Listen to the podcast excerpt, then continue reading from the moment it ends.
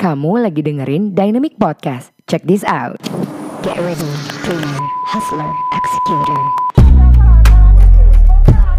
Thank you for listening to Dynamic Podcast. I'm your host Dayang Lati, founder dan juga CEO dari Dynamic Indonesia, sebuah marketing dan branding agency yang membantu para pengusaha, organisasi, hingga personality untuk berkomunikasi lebih baik agar bisa mencuri hati sehingga dapat melakukan transaksi dengan penuh percaya diri. Nah, sebentar lagi kamu akan mendengarkan cerita yang penuh kisi-kisi pelajaran dari seorang pemimpi menuju pejuang yang penuh dengan aksi. Agar segala keinginan gak hanya ke bawah mimpi. This is your Dynamic Podcast. Jangan ke bawah mimpi doang. Here we go. Hai guys, welcome back. This is Dynamic Ngopi, ngobrolin penting dan berarti. Uh, aku bikin ini part 2 karena tadi part 1 itu jawabannya good banget tentang momentum, tentang strategi gimana pertamanya uh, Bang Syams ini up to edukasi market, gila banget, keren banget. So I posted. Kita coba lanjut.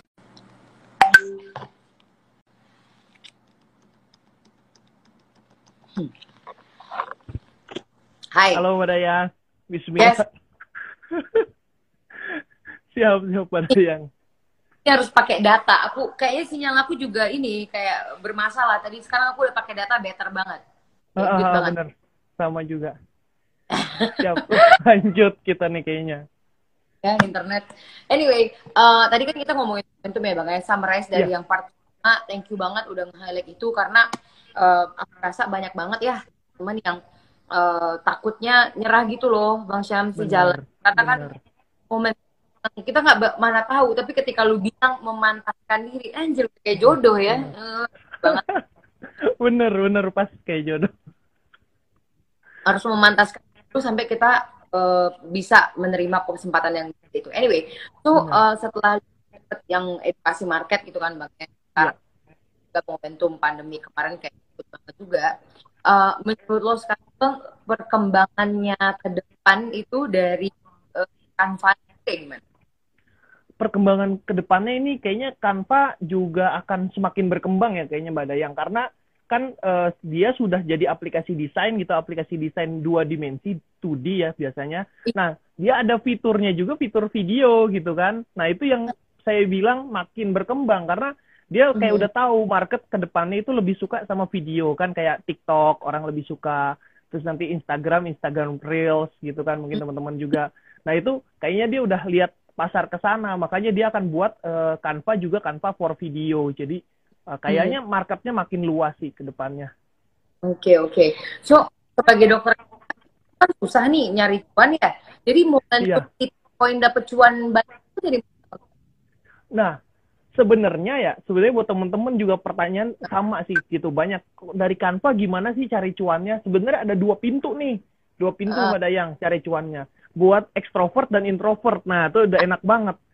Nah, kalau ekstrovert itu sukanya jadi eh, sharing, isi seminar gitu kan, isi course gitu, buka course, isi seminar, pelatihan, workshop. Nah, itu yang saya ambil. Itu cuannya dari situ. Nah, kalau misalkan yang introvert, introvert gimana nih? Saya kan nggak suka ngomong di depan, gugup, eh, grogi segala macem. Nah, itu bisa langsung jadi konten eh, apa? Buka jasa desain feed, buka jasa desain gitu kan. Banyak teman-teman saya buka jasa undangan pernikahan dari Canva. Itu udah keren Wow. banget. Bener, bener ada. Wow. Nanti saya share. Soalnya kan ada anak-anak grup kita namanya Canva Creative Talk. Itu itu suka nge-share itu jadi bikin semangat juga gitu sih. Mbak Dayang. Ah, Gitu, oke. jadi ada dua pintu tadi. Dua funnel ya, either kita pengen jadi mentornya atau emang jual jasanya gitu. Tapi Betul. kalau di dulu kan aku kalau nggak salah, nah, come across kamu punya account, Ya. sorry, itu kayak masih uh, one gitu ya, kayaknya dua ribu tiga ribu kayaknya. Aku tuh udah Oh, udah bener. poin Bang Syams tapi yang kayak ini orang gitu kan sampai oh, ke Instagram pribadi aku komen-komen ini siapa sih orang ini? Kita satu Siapa? ke TPA yang Bang Jul gitu kan. Terus pas Iya. aku aku sama Bang Jul juga tuh. Terus yang kayak eh Dayang kamu tahu ini nggak yang ini dokter A tuh? Tahu gue ini suka ngobrol di Instagram aku. Agak oh oke. Okay. iya soalnya hmm. soalnya emang dengerin kan dengerin waktu itu dari awalnya memang uh, Bang Julian ya Bang Julian gitu Bang Julian masuk podcast terus eh dilihat kok scroll scroll wah podcastnya isi banget gitu ada hmm. Civiki, hmm. ada Bang Ogut. Wah, ini keren banget podcastnya tuh teman-teman. Dengerin di Spotify, keren-keren banget, ilmu banget itu. itu ya. kalau belum dengerin itu, ah saya aja sampai nge-replay terus satu orang dua kali, tiga kali gitu kan. Enak sambil kita sambil nyetir atau sambil ngetik. Sebagai host. Ya. Kayaknya aku ya? harus eh, iya. kali kali juga ya. iya, iya. iya itu terus kan memang mungkin mungkin ya kelihatan mic-nya lah ya mic-nya juga mic mahal jadi suaranya tuh lembut banget gitu kan enak ngedengerinnya hmm. gitu dari awal terus memang nah tadi juga kan yang bilang uh, ke Badayang itu Mbak Ju, uh, Bang Julian memang Bang Julian itu sebenarnya awalnya mentor saya buat Instagram hmm. gitu yang ngajarin saya gitu yang ngajarin saya jadi konten kreator ya kalau belajar kanvanya sih belajar sendiri tapi kalau yeah. jadi konten kreatornya, meng mengkontenkan desain kayak saya itu dari Bang Julian gitu. Berawal dari share-share, emang keren banget Bang Julian.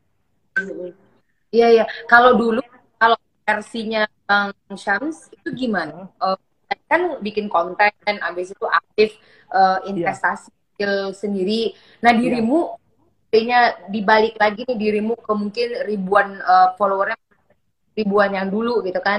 Kalau mau mulai konten kreator kira-kira step-stepnya kayak gimana ya menurut uh, Bang? Nah, step step pertama yang paling kita harus tetapkan goals uh, akhirnya itu apa? Karena iba, hmm. kita ibarat uh, naik Gojek gitu ya, ibarat naik hmm. Gojek atau ojek online, itu kan kita harus nentuin titik poin kita tujuannya mau ke mana. Kalau kita mau pesen, bang pesen ya, oke saya jemput. Terus mau ke mana mas? udah muter-muter aja nah kan akhirnya muter-muter dan capek akhirnya menyerah nah itu yeah. kalau temen kalau teman-teman ada goalsnya goalsnya mau apa mau bikin ebook mau bikin course mau bikin apa misalkan uh, website tentang desain mau tentang apa gitu. Pokoknya ada goalsnya dan ya goalsnya menghasilkan ya tentunya gitu. Menghasilkan cuan. Nah di situ itu akan kita uh, ada pacuannya. Jadi ketika kita uh, lemes konten gitu kan, ada ya kadang-kadang kita males konten, aduh males uh, bikin desain gitu kan. Tapi ketika mikir, oh iya, nanti kan kita pengen bikin kelas ya, kok males sih? gitu kan. Oh tapi kan nanti saya mau ngejar 10k nih, habis 10k saya mau bikin buku misalkan, kok males. Nah itu akan jadi ada pacuan sendiri ke teman-teman. Gitu sih, goals akhir. Pertama bikin goals, kedua. Bener. Nah kedua ketika kita udah punya goals, kedua kita tentuin dulu pasar dari goals kita itu ke mana. Makanya kalau saya, itu kenapa kalau teman-teman lihat ada di UMKM. Kalau dulu campur UMKM dan mompreneur. Kenapa hmm. goalsnya UMKM dan mompreneur? Pertama, UMKM pasti nggak, uh, ya UMKM yang profitnya rendah ya, itu uh, nge-hire graphic designer uh, biasanya masih itu ya, masih belum kepikiran ya. Kan biayanya juga mahal kan graphic designer Terus kalau mau subscription uh, Adobe kan mahal juga per bulan gitu kalau resmi. Nah itu dia pasti berpikir akan cari yang mudah tapi bisa nih buat bikin konten. Akhirnya ke mana ke Canva itu kan UMKM saya incernya. Terus kemudian ke Mompreneur. Kenapa kok ke Mompreneur? Emang uh, kenapa Mompreneur ada apa dia? Mompreneur ini kan biasanya ibu-ibu, ibu-ibu yang sudah punya anak. Nah ibu-ibu ini biasanya buat buka laptop itu susah banget karena kan ngurusin anak. Nah, pasti bukannya handphone aja. Nah, aplikasi desain uh, yang di handphone yang menurut saya masih worth it adalah Canva gitu. Jadi sambil ngurus anak, sambil jemput anak sekolah gitu ya, nungguin sambil ngedesain gitu. Jadi kita sudah tentuin goalsnya akan ke mana, lalu siapa target market kita? Target market saya contohnya tadi UMKM dan mompreneur. Nah, itu udah dapat ya teman-teman. Tadi goals, UMKM, dan mompreneur. Yang ketiga nih, yang ke, uh, terakhir, yaitu uh, spesial bumbu spesialnya bumbu spesialnya hmm. teman-teman apa? Gitu kan. Harus uh, harus ada yang unik harus ada yang unik.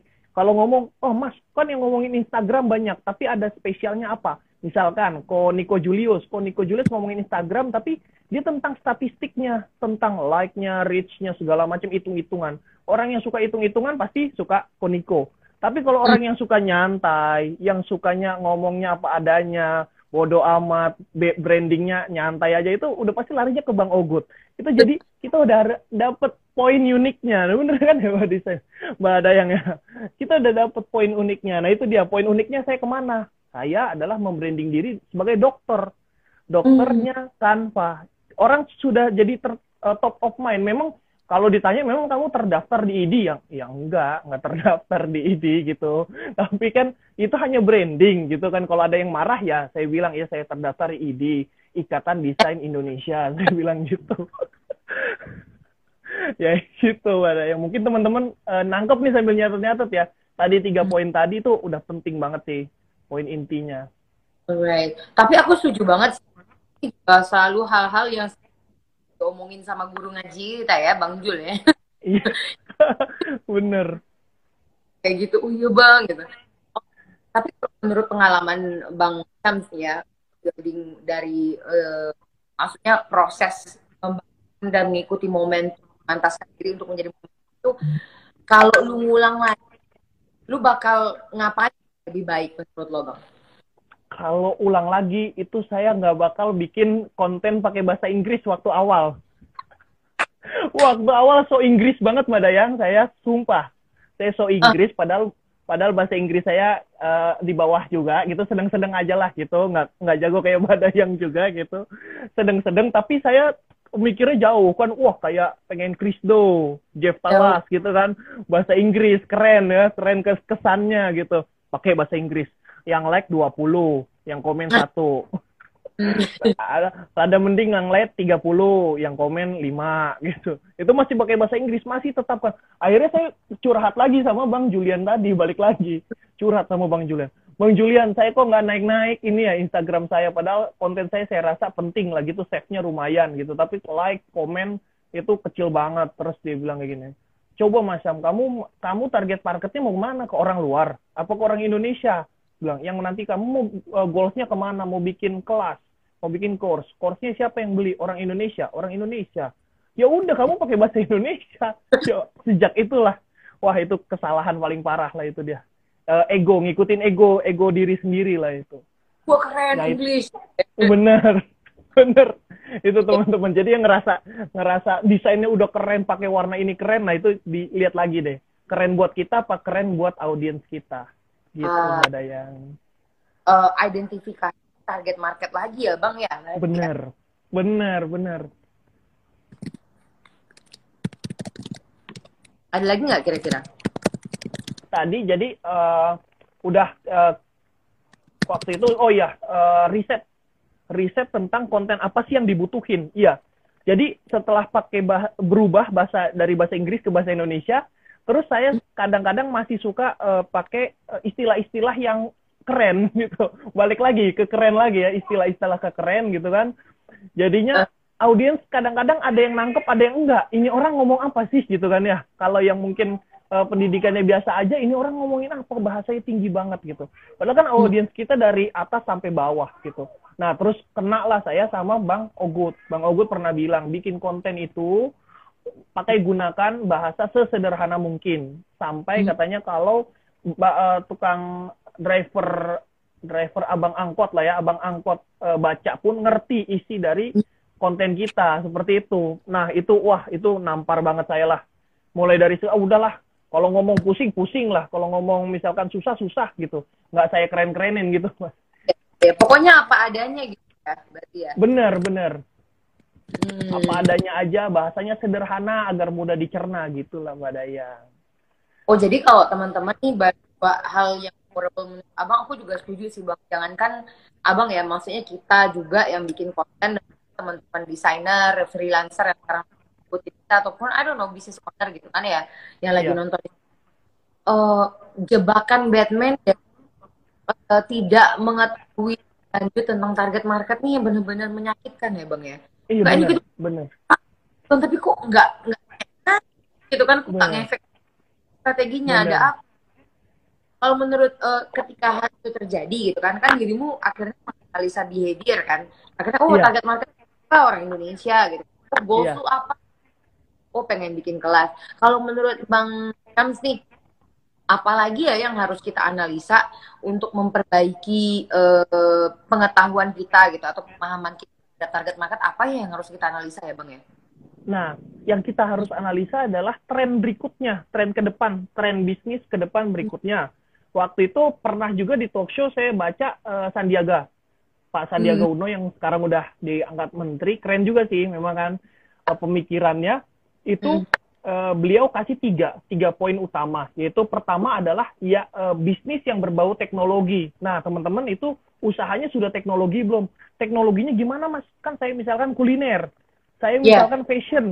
Nah itu hmm. teknologinya hmm. gimana? Teknologinya lah ya udah kamu fashion tapi kamu juga punya dong kanal website gitu kan. Hmm. Kamu punya Instagram, kamu punya TikTok gitu kan ya. Nah itu sudah masuk ke ranah teknologi seperti itu. Nah terus yang kedua adalah yang berbau uh, kesehatan atau berbau uh, herbal lah ya gitu maksudnya. Jadi nggak nggak kimia kimiaan gitu kan. Apalagi sekarang kan ada pandemi covid segala macam. Nah itu orang-orang uh, lebih larinya ke sana, lebih ke hmm. kesehatan. Jadi itu bisa di dikombinasikan lah ya bahasanya dikombinasikan. Jadi dikombinasikan hmm. misalkan uh, kita dengan memakai baju ini ternyata baju ini bisa menyehatkan. Kenapa? Karena menyerap keringat, semisal gitu kan.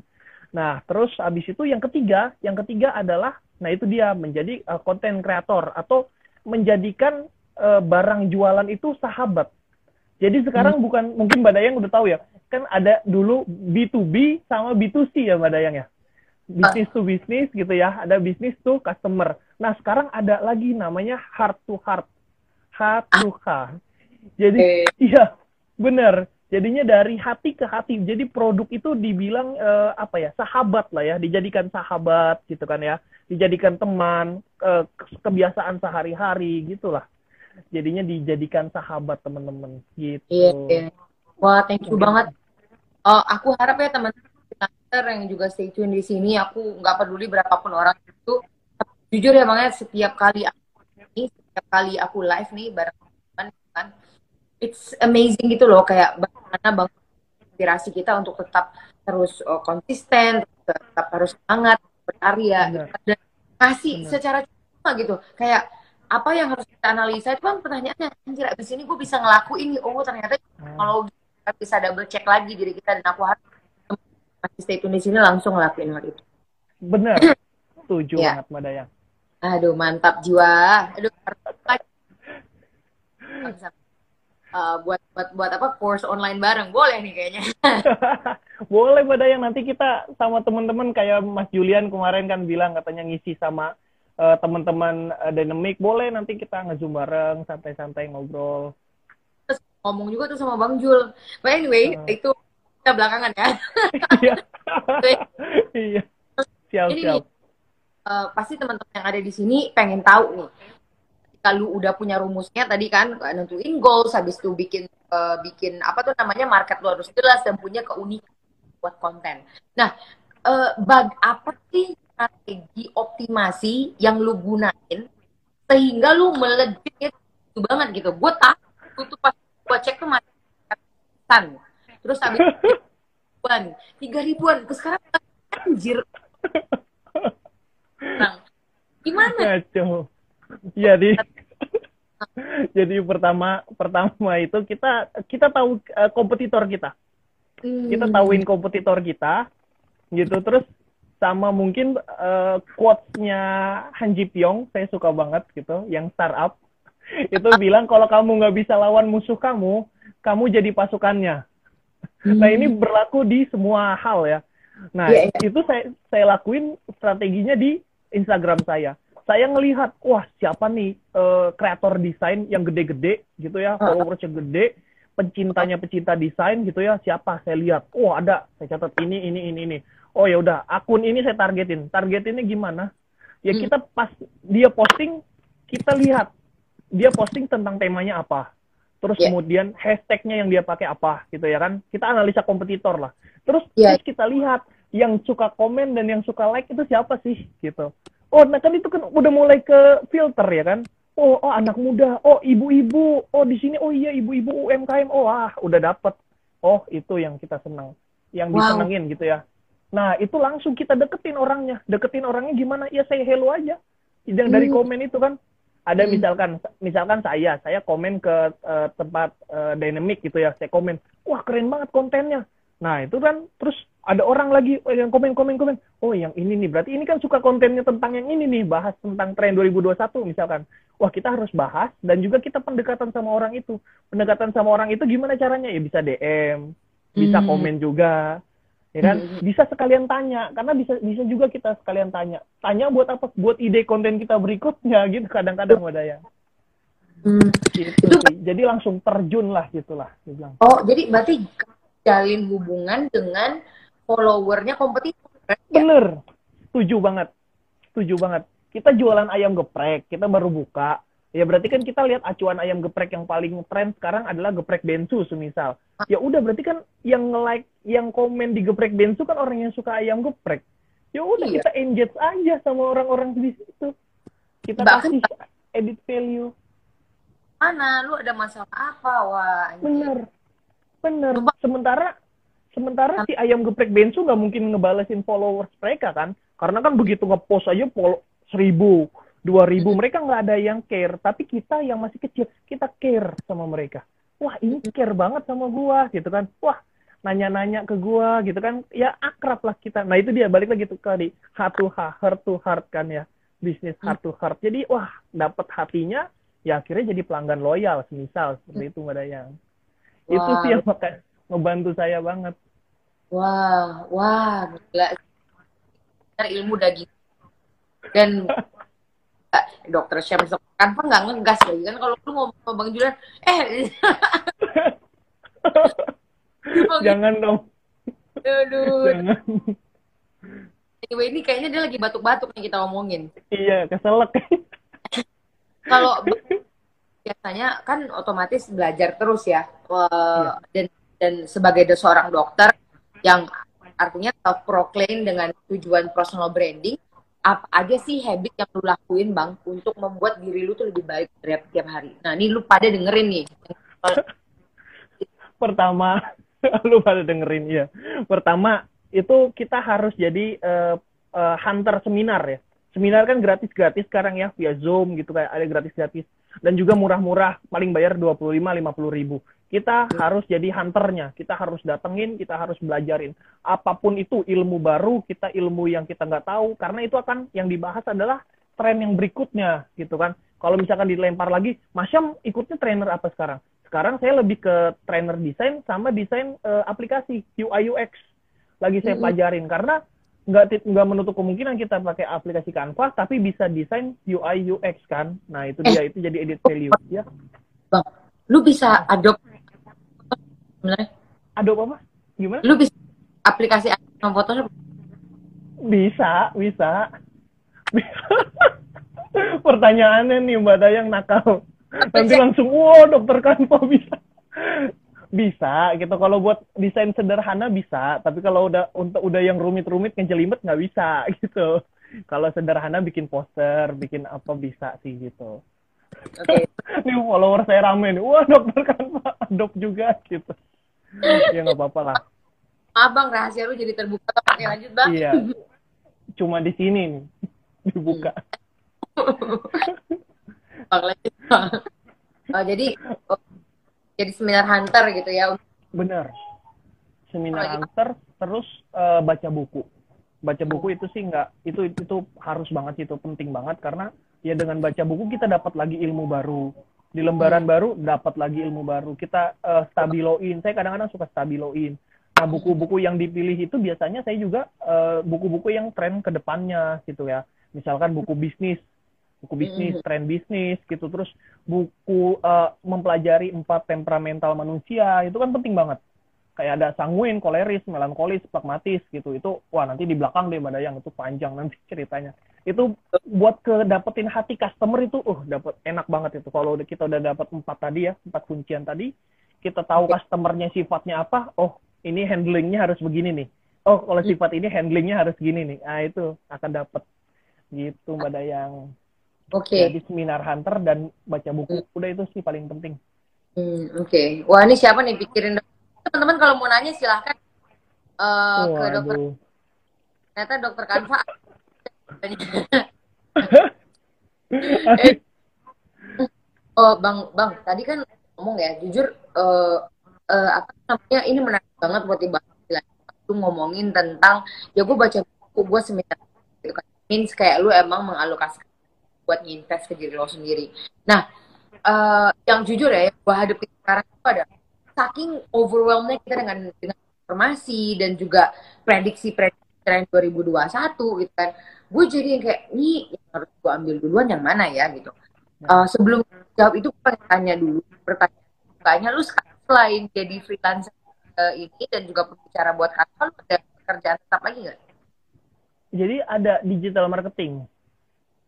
Oh lu punya agensi gitu? Oh bukan, uh, bekerja bekerja di uh, freelance uh, jadi digital marketing gitu. Ngapain tuh?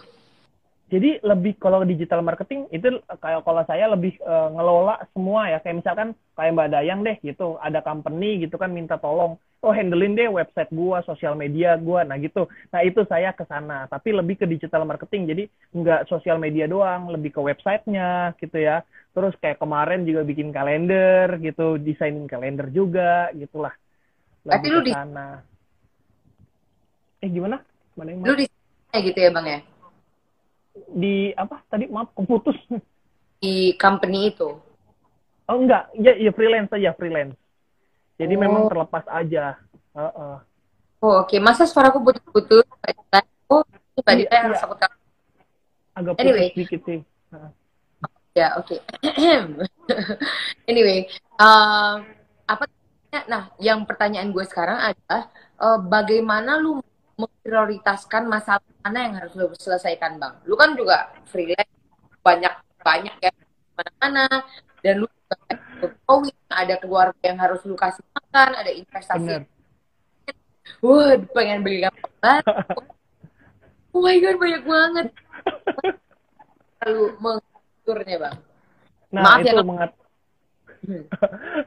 mengaturnya jadi ada tiga tiga poin sebenarnya tiga hmm. poin uh, tiga poin inti yang buat kita filter utama. Gitu. Tiga hmm. poin fil, uh, filter utama adalah yang pertama adalah uh, keluarga. Keluarga hmm. itu udah paling pertama karena ya kita udah ngerasain ya saya juga waktu itu udah pernah ngerasain tipes sakit tipes dan tiga hari empat hari nggak posting engagement turun abis begitu posting lagi yang like cuman 20 30 ya balik lagi gitu kan yang komen gitu. Nah tapi nanti kalau udah konsisten lagi balik lagi. Itu keluarga pertama keluarga ya kita harus kasih quality time segala macem lah gitu. Yang yang kalau kita ada waktu waktu luang kita nggak ngapa-ngapain ya udah sama keluarga gitu. Yang kedua adalah kebutuhan hidup. Nah ini nomor satu sama dua itu berkesinambungan. Yang ketiga adalah baru passion kita mbak Dayang nah hmm. jadi ketika begitu ada inputan masuk ada to do list ya ada to do list masuk tes to do list ini masuknya ke mana nih ke passion kita, ke keluarga, ke kebutuhan hidup. Endingnya ya, misalkan ngisi workshop, ngisi workshop endingnya adalah ke kebutuhan hidup, gitu ya, ke kebutuhan hidup, tapi juga memenuhi hasrat passion kita. Nah itu boleh masuk. Oh itu jadi prioritas. Poin pertama prioritas, gitu kan. Isi seminar, isi seminar, eh bu, isi seminar, uh, join seminar, join seminar, gitu baca buku, itu masuk endingnya ke mana? Endingnya cuma ke passion. Oh ke passion berarti kita nanti malam. Hmm. setelah mungkin keluarga sudah tidur gitu ya anak istri kalau saya kan udah ada anak dan istri juga itu sudah hmm. tidur. Misalkan nah itu baru baca buku bikin konten gitu kan. Uh, mulai siap-siapin materi buat kelas misalkan. Nah itu lebih ke sana. Terus mungkin ada yang pertanyaan wah saya sekarang pekerjaannya nggak memenuhi passion saya nih. Gimana? Misalkan saya per, pekerjaannya ada loh uh, teman-teman kanva saya dia hmm. pekerjaannya adalah cuman uh, pengisi pom bensin, Mbak Dayang. Wow. Jadi pengisi pom bensin, iya serius. Dia di waktu-waktu selang dia pakai Canva buat iya ngedesain-desain, bikin-bikin konten gitu. Terus saya bilang kayak gini, saya passionnya ngedesain mah, saya seneng banget sama desain segala macam, apalagi ada Canva pakai HP bisa. Saya bilang, ya udah nggak apa-apa, kamu isi pom bensin gitu ya, kamu kerja sebagai pengisi pom bensin, kamu digaji digaji itu hmm. pendapatan kebutuhan hidup. Dapat poin pertama kan? Poin eh poin yeah. kedua keluar kebutuhan hidup bisa memenuhi keluarga kamu. Poin pertama poin kedua sudah terpenuhi uh, nah begitu kamu malam pulang dari pom bensin uh, kamu konsen belajar di situ. Kamu habisin waktu buat passion kamu. Karena hmm. di situlah waktunya gitu. Nah nanti ketika kamu gajian gitu kan, disisihin lagi waktunya. Waktunya buat apa? Buat investasi leher ke atas. Misalkan ikut workshop, ya kan? Ikut seminar. Nah itu akan meningkat, meningkat, meningkat. Bikin konten. Nah itu nanti akan menjadi passion kamu yang akan memenuhi kebutuhan hidup dan keluarga. Nah, ini nangkep nggak ya teman-teman? Mungkin agak berat nih bahasanya. Tapi intinya tuh kalau aku pengen iniin summarize tuh tiga tadi ya cara memfilter Bener. Nah, itu Bener. ada gitu ya. Atau apa Iya. yang paling buat kamu kalau lu kan udah nikah gitu kan Bang ya. Apa Iya. atau apa gitu kan emaknya gitu kan. Why-nya, betul. Yang kedua baru tadi itu ada lu bisa makan atau enggak. Ini ngaruhnya ke Nah, dan terakhir baru ke passion gitu ya Bang. baru passion. Pas simple tapi bener ya Bang. Sampai tau gak sih lu kayak problem banyak. Gue tau gak sih ini masalah gua doang yang yang gue Heeh. tahu ini masalah alam semesta gitu. Alam semesta Mbak Daya. Saya juga gitu. Heeh. Eh, ternyata pas di research gue riset ini kan banyak sekali para pemuda pemudi tidak berprogresif karena tidak membuat keputusan. Ah, Oh yang kayak yang bener. lu bilang tadi Bener. gue cek banget loh sama dan lu bilang eh, Iya. Sambil nyambilan Canva emang dia tahu gitu ya tes gue apa hidup gitu Iya, benar, benar. Dia, dia ter- tos dulu. tos online. Nah iya itu dia, dia tahu passionnya dia ke mana gitu dan terus dia mau tahu ini akan arahnya ke mana. Passionnya dia siapa tahu dengan dia membuat konten dia ternyata dipanggil eh, bikin undangan gitu kan. Ada yang bikin undangan, jasa bikin undangan dari Canva, bikin poster dari Canva gitu kan. Itu kan lumayan. Ya misalkan dapat bayaran 100 ribu, 200 ribu itu udah lumayan banget buat dia. Gitu Hmm. Mbak Dayang. Jadi Oh. itu tiga poin tadi tuh teman-teman buat dicatat. bagus Uh, anyway ini gue pengen ambil pertanyaan menurut gue bagus dulu nih dok sebagai desainer bagaimana cara memanage job di luar dengan postingan kita sendiri nah ini menarik nih karena ini juga ngerasa hal yang sama guys bagaimana postingan sendiri dan postingan dari job kan job di Instagram Betul. misalnya selalu update tiap hari gimana tuh bos Nah, jadi kita kita manage-nya gini dulu Mbak Dayang. Misalkan per hari ini Mbak Dayang minta, semisal ya, eh, Syam, tolong dong desainin buat feed eh, Instagram Anu. Oke. Eh, berapa berapa feed Mbak Dayang misalkan? Tiga bulan full, eh, eh tiga bulan, 30 hari full, satu bulan, 30 konten. Oke, Hmm. saya minta waktu dua minggu sebelum Hmm. saya mulai. Nah, waktu dua minggu sebelum saya mulai, saya minta waktu dua minggu aja, habis itu baru kita mulai satu bulannya.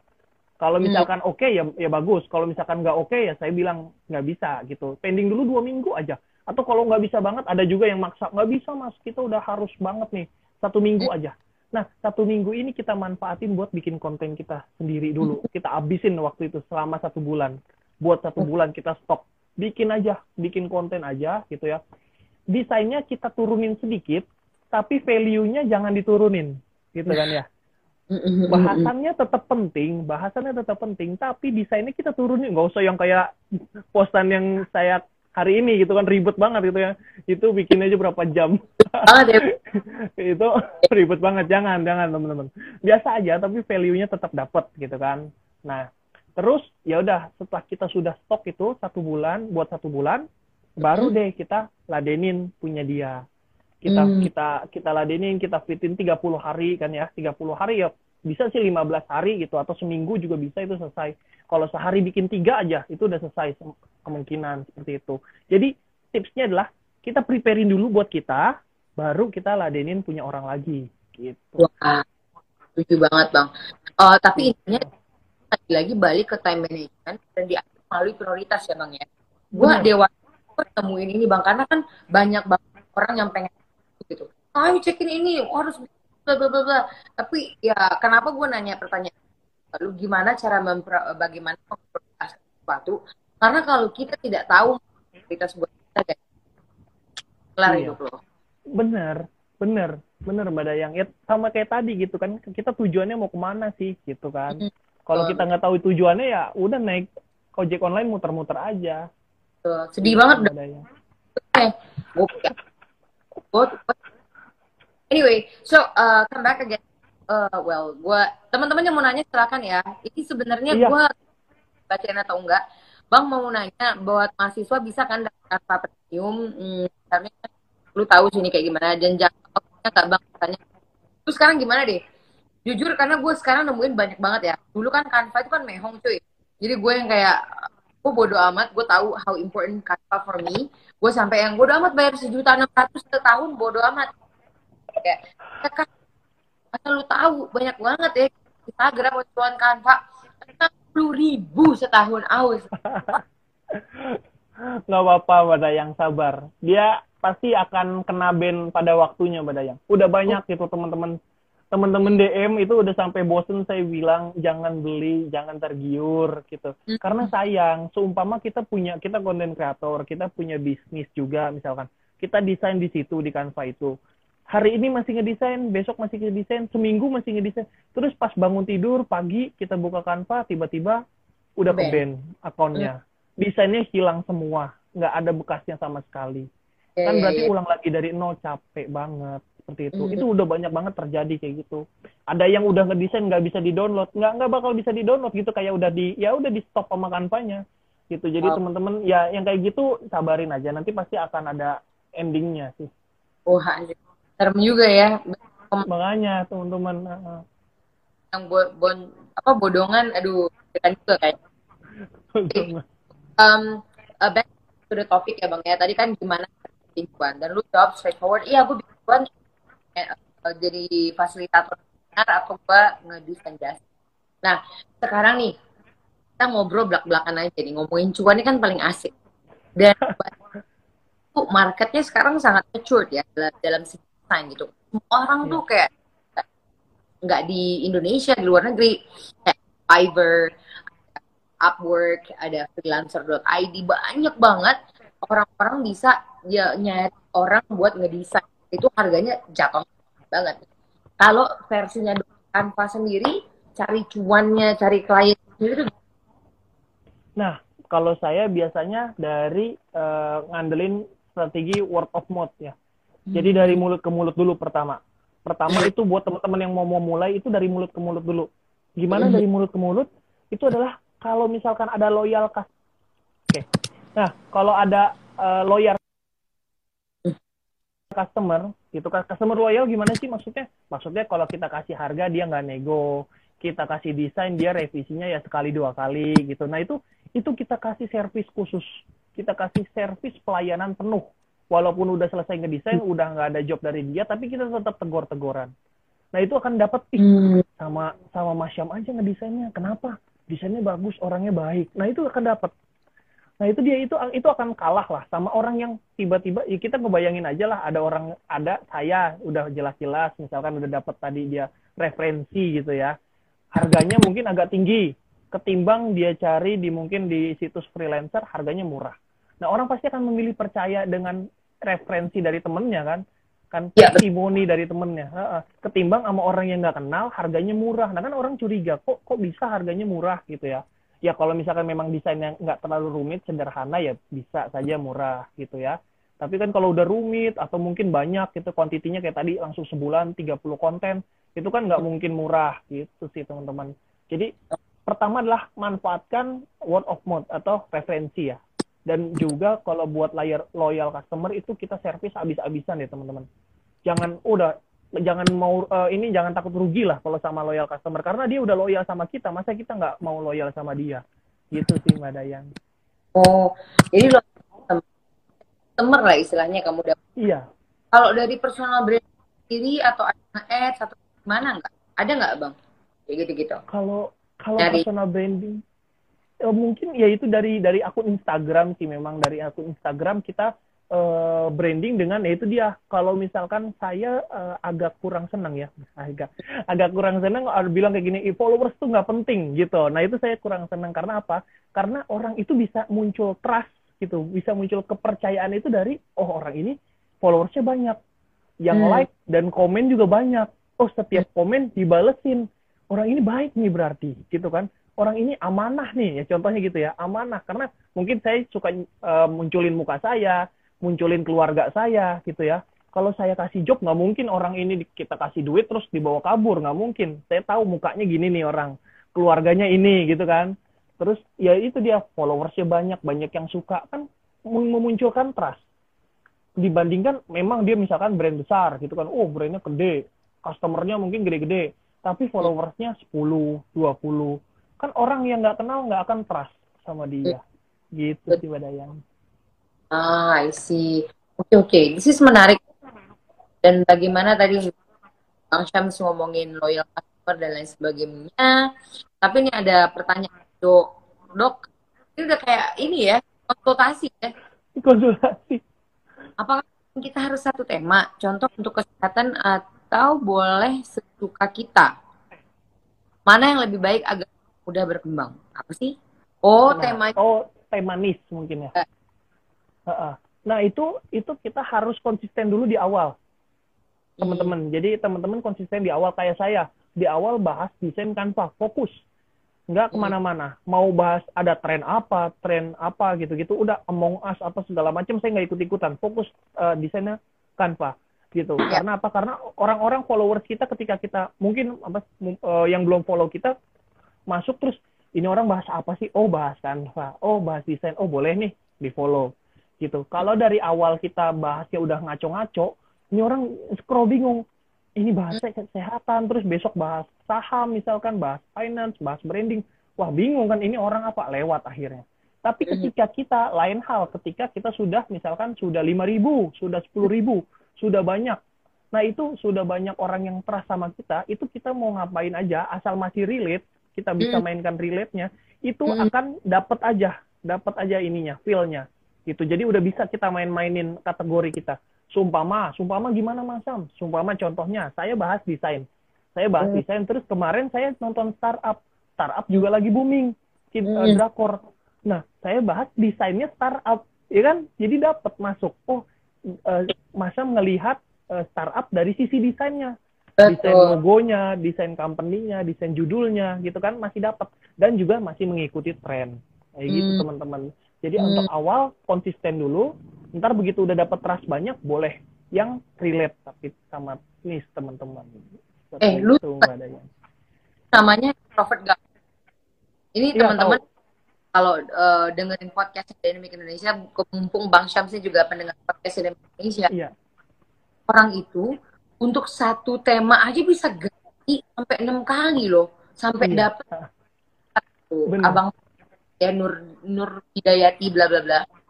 Karena gimana ya jujur aku pengalaman sekarang kan dari udah mulai naik gitu kan. Followernya agak bener bener. Tolong follow ya? Iya. Kok iya bener bener.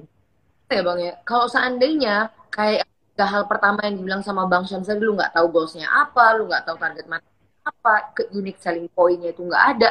Itu bener mau bikin konten usaha pun nggak ada yang baca. Kayak whatever gitu istilahnya makanya iya. apa uh, mbaknya Nur Hidayati tadi itu masa sih suara gue putus-putus pak? Gue uh, uh, apalagi kalau ganti temanya tuh nggak nggak pakai data ya bang Syamsi. Benar, benar. Uh, apa masa gue pakai bahasa Inggris aneh-aneh nih penonton kita nih lagi nih gawat uh, apa tuh namanya uh, emang tema itu harus ditentuin ya istilahnya ya. Uh, hmm. Kalau emang cocok kita sebagai Bener. Dengerin, saya saya dengerin tuh yang introvert gaul podcast yang bareng introvert gaul juga teman-teman mungkin yang abis ini langsung dengerin hmm. di Spotify itu kan hmm. uh, itu dari awalnya diet kan ya ada yang ya. bahas diet bener kan bahas diet terus tiba-tiba bongkar setir bahas hmm. ke introvert nah kan itu kan jauh sebenarnya. Tapi kenapa? Karena Betul. dia lihat pasarnya, lihat target marketnya dari diet kayaknya oh nggak memungkinkan nih. Kira-kira gimana caranya? Akhirnya masuk ke introvert, introvert rame kan. Banyak orang-orang yang introvert gitu, teman-teman. Mantap jiwa guys. So ini uh, ini uh, boleh kita jawab nih bang. Ya. Uh, mana cara ngasih harga untuk pemula asik. Nih. Nah, nih. Nah, Nah, ngasih ngasih ngasih harga buat pemula ya itu dia berdasarkan tingkat kesulitannya ya teman-teman tingkat kesulitannya terus jangan mahal-mahal kalau pemula karena kita cari portofolio juga kan ya buat portofolio desain kita kita jangan kasih mahal-mahal dan perbanyak free-nya misalkan hmm. kak desain uh, satu bulan sekaligus 30 konten bonus 10 konten gitu misalkan. Gitu kak. Uh, bisa apa handle Instagram satu bulan bonus misalkan uh, satu setengah bulan misal gitu kan. Jadi kasih bonus banyak gitu ya biar customer kita juga senang sama kita. Kita juga jadi bahan portofolio kita jadi perbanyak portofolio kita. Gitu ketika hmm. portofolio kita udah banyak kita nawarin job kita tinggal kasih portofolio kita. Orang nanti kan lihat kan desain kita kayak apa sih bagusnya gitu. Iya iya. Wah mantap. Apalagi kalau jangan terlalu jangan terlalu. Karena uh, mahal karena kita lagi nyari portofolio Ciamis. Tetap jiwa. Nah kalau ini nih uh, ini referensinya dari ini referensinya uh, bang untuk apa ya? Untuk bikin konten dulu deh. Jangan dulu. Masa sih suara gue masih putus-putus putus-putus masa sih mbaknya putus-putus iya bang Syams Iya kadang kadang sih kadang memang agak putus tadi kayak kayak lagi nanya gitu terus agak putus gitu tapi masih bisa kedengeran. Mungkin teman-teman kalau yang nanti nggak jelas ngelihat recordnya aja kali Mbak Dayang ya. Boleh boleh boleh. Gimana nah, tuh Bang? Tadi uh, cari ide, referensi. cari ya referensi ide itu biasanya yang paling pertama paling kuat itu adalah pertanyaan dari DM atau komen. DM atau komen hmm. misalkan dok atau Mas Syam e, bahas e, kalau yang ini gimana caranya ya. Nah yang poin yang ini teknik yang ini belum pernah saya bahas. Itu jadi jadi bahasan konten saya. Oh makasih nanti saya bikinin kontennya. Saya gitu kan dapet satu gitu ya. Terus nanya mas kalau begini caranya gimana ya? Oh ya udah kalau misalkan saya udah ada saya kasih kontennya.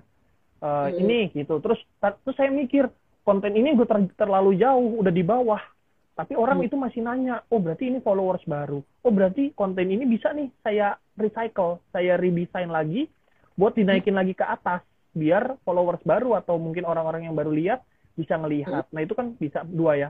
Satu dari pertanyaan, dua dari pertanyaan tapi kontennya kita udah bikin kita recycle. Jadi satu buat hmm. baru, satu buat recycle. Itu dari pertanyaan doang udah dapat dua konten. Terus habis itu saya lihat explore. Nah itu kita mampir ke explore. Kita mampir ke explore, kita lihat di explore adalah konten-konten viral. Konten viral berarti orang banyak suka. Nah, kita lihat nih yang bisa kita adaptasi sama ini kita apa, sama konten kita. Oh, tentang misalkan warna di 2021. Oh, warna 2021 trennya apa nih? Oh, lihat. Oh iya, keren juga nih, asik nih. Misalkan yang ya, interaksinya bagus, kontennya bagus, udah kita serap dari tadi ya pertanyaan satu, kedua juga dari explore. Jadi cara gampangnya. Yang ketiga adalah yaitu dia balik lagi ke kompetitor. Saya senang banget sama kompetitor jadi kompetitor itu numbuhin ide juga gitu kan ya. Ja, jadi jangan berkompetisi sama kompetitor kita yang besar. Kita jadilah pasukannya dia, gitu kan. Kita jadi followers dia. Terus yang ketiga yang terakhir biasanya saya cari di ya udah ya udah kalau udah kepepet banget carinya di Pinterest sama di Behance. Pinterest.com ya teman-teman udah tahu lah Pinterest ya sama Behance. Behance.com itu bagus-bagus juga desainnya. Begitu Mbak Dayan. Oke. Okay. Teman. Siap siap. Mbak Mbak Nur Hidayati ya sejak kapan di scroll sampai ke bawah ya konten ya. saya terus semuanya. Oke, okay, so Siap. what's next buat dokter Kanva nih? Mumpung banyak yang what's next for Nextnya yaitu dia lagi merampungkan course, itu udah banyak banget yang nanyain, Kanva bikin course-nya dong, course yang dari nol segala macam gitu. Ya saya saya uh, lagi rampungkan lah ya gitu, lagi rampungkan terus kemudian mau mau memperbesar lagi lah mau memperbesar lagi pembahasan tentang desain melalui nanti saya ada rencana juga. Nah di course itu saya coba bikin di website. Makanya sekarang lagi belajar UI UX hmm. gitu. Jadi hmm. teman-teman ya mungkin kalian sharing sama teman-teman kalau kita sudah di sudah lumayan lah gitu ya. Maksudnya masalah kanva sudah kita satu ilmu ini kita harus buru-buru nih lari ke ilmu yang lain karena nanti ketika ilmu ini udah nggak zaman lagi gitu ya ketika, kita kan nggak ada yang tahu. Siapa tahu Canva habis ini bangkrut kita nggak tahu. Terus website tutup. Nah udah nggak ngapain lagi kita bahas ya. Kita harus ada eh, keran-keran yang lain lah. Keran-keran ilmu keran-keran skill yang lain. Seperti itu Mbak Dayang dan teman-teman. Kalau ini bang kayaknya juga enak ya buan gitu. Oh oh tadi bilang kan habit itu uh, seminar hunter dan baca buku tapi hmm. kalau ya, gue tanya uh, kalau se uh, ada habit nggak sih sukses gitu? Atau gimana? gimana mbak? Maaf. habit habit huh? yang lu lakuin yang cuan ya nggak? Habit yang saya lakuin dapat cuan. Uh, biar tambah cuan gitu. Oh kalau oh. pagi atau lu ini atau apa gitu ada nggak? Ya itu heb jadi eh, kebiasaan kita terus biar dapat cuan itu ya ya itu biasanya ngebisnis sih Mbak Dayang. Jadi selain kita jadi konten uh, kreator, kita juga harus ngebisnis lah. Bisnis apa misalkan. Nah itu misalkan jangan misalkan kita tentang bahas desain, terus bisnis kita juga ber, uh, berurusan dengan desain. Itu boleh. Tapi kita harus cari lagi nih yang lain. Yang lain apa nih misalkan. Oh saya juga suka makan ayam geprek gitu. Ya udah kenapa nggak jualan ayam geprek gitu. Coba kita jualan ayam geprek gitu kan. Karena kita udah mengetahui rasa ayam geprek yang enak yang mana seperti ya, itu. Ya. Dan yang pertama ya tadi kalau berkaitan dengan habit adalah ya udah pertama bangun pagi Badayang dan teman-teman bangun pagi itu udah uh, wajib lah kalau teman-teman mau maju terus. Oke, okay. uh, eh, bang. Tadi gue jujur aja, gue harus karena gue yakin banyak banget di sana yang pengen tahu, tau nggak apa? Bang, lu nyels bang. Tadi kan lu bilang, oh ya, lain kayak gitu. Tapi apa strategi sales lu? Karena karena lu bilang kalau introvert pertama desainer kan biasanya sukanya ya udahlah gue gini-gini aja kan apa sih strategi salesnya dokter Pak? Nah strateginya adalah kita memotivasi kita memotivasi mbak Dayang karena orang nggak suka dijudge kita nggak suka daripada kita ngejudge orang eh lu kalau nggak ngedesain lu nggak bikin konten wah lu nggak bakal maju daripada hmm. dijudge gitu mending kita motivasi eh ayo pakai kanva ayo saya selalu bilang kayak gini kalau ada orang yang uh, komennya mungkin agak pesimis mungkin agak mungkin lagi down gitu mungkin dihina gitu saya langsung bilang kayak gini kalau kamu hmm. dihina kamu langsung lihat akun ini kamu langsung bisa DM saya bisa komen sama teman-teman di sini karena hmm. akan ada 28 ribu orang yang belain kamu saya bilang kamu dijudge orang mungkin satu dua tiga di situ di sini ada 28 ribu. Dan ini teman-teman kamu karena di sini adalah para pengguna Canva. Gitu sih mbak yang saya motivasi. Nah itu dia. Orang jadi terasa wah bener ya? Gitu pasti akan akan terasa gitu sih kebanyakan. Mm-hmm. wow ada dua puluh delapan ribu. Benar lalu pada anyway itu udah hampir satu jam dan gue nggak mau ditutup tiba-tiba oleh ya. Siap, uh, closing siap, terkanva kepada Dynamic Nation ke teman-teman yang ikutan live uh, konsisten hari ini silakan bang oke okay uh, closing statement aja berarti uh, closing saya itu biasanya adalah uh, jangan sia-siakan waktu, jangan hmm. sia-siakan konten. Jadi jadi jangan sia-siakan waktu, jangan sia-siakan konten. Kenapa? Hmm. Waktu itu, waktu kita sia-siakan, kita nggak tahu nih. Misalkan kita punya waktu satu jam, ternyata satu jam itu bisa kita bikin konten. Nah, kontennya hmm. itu juga jangan disia-siakan. Kontennya jangan asal bikin, jangan uh, bikinnya jelek juga. Karena kita nggak ada yang tahu. Kita kayak kayak Mas Julian, Mbak Dayang, hmm. ngelihat konten saya, kalau kalau ya suatu uh, waktu dulu aja gitu badai yang pertama kali ngelihat konten saya jelek gitu ya hmm. nggak ada manfaat gitu bikinnya seadanya nggak mungkin juga mbak yang follow saya nggak mungkin juga mbak yang tegur sapa gitu kan nah begitu hmm. juga ke teman-teman siapa tahu aja ya kan kita nggak ada yang tahu walaupun follower 100 200 tapi ternyata ada bisnis owner yang visit ke profil kamu. Nah itu yeah. jadi jangan sia-siakan konten jangan sia-siakan waktu. Itu dua hal itu. Luar biasa. Powerful. Asia siap. Padanya konten. Itu kanva oriented banget. Daripada lu kanva aja udah. Ini thank you banget ya. Siap, bang. siap yang sampai kali ini. Mohon maaf banget nih kalau ada kata-kata yang salah. Terima iya, kasih. sama-sama dynamic support uh, supporternya gue tahu banget gede banget peran lo di sana and every voice is matter Uh, thank you ya Bang.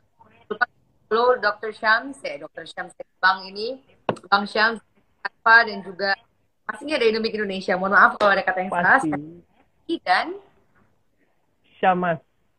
Oh. Dokter Kanpa, udah gitu aja. ya. Banget sumpah anaknya anjir kayak ini Rita permen lucu banget. Salam dari on. Siap, Oke, ada Bang. yang makasih. Bye bye. Dadah. Assalamualaikum. Waalaikumsalam.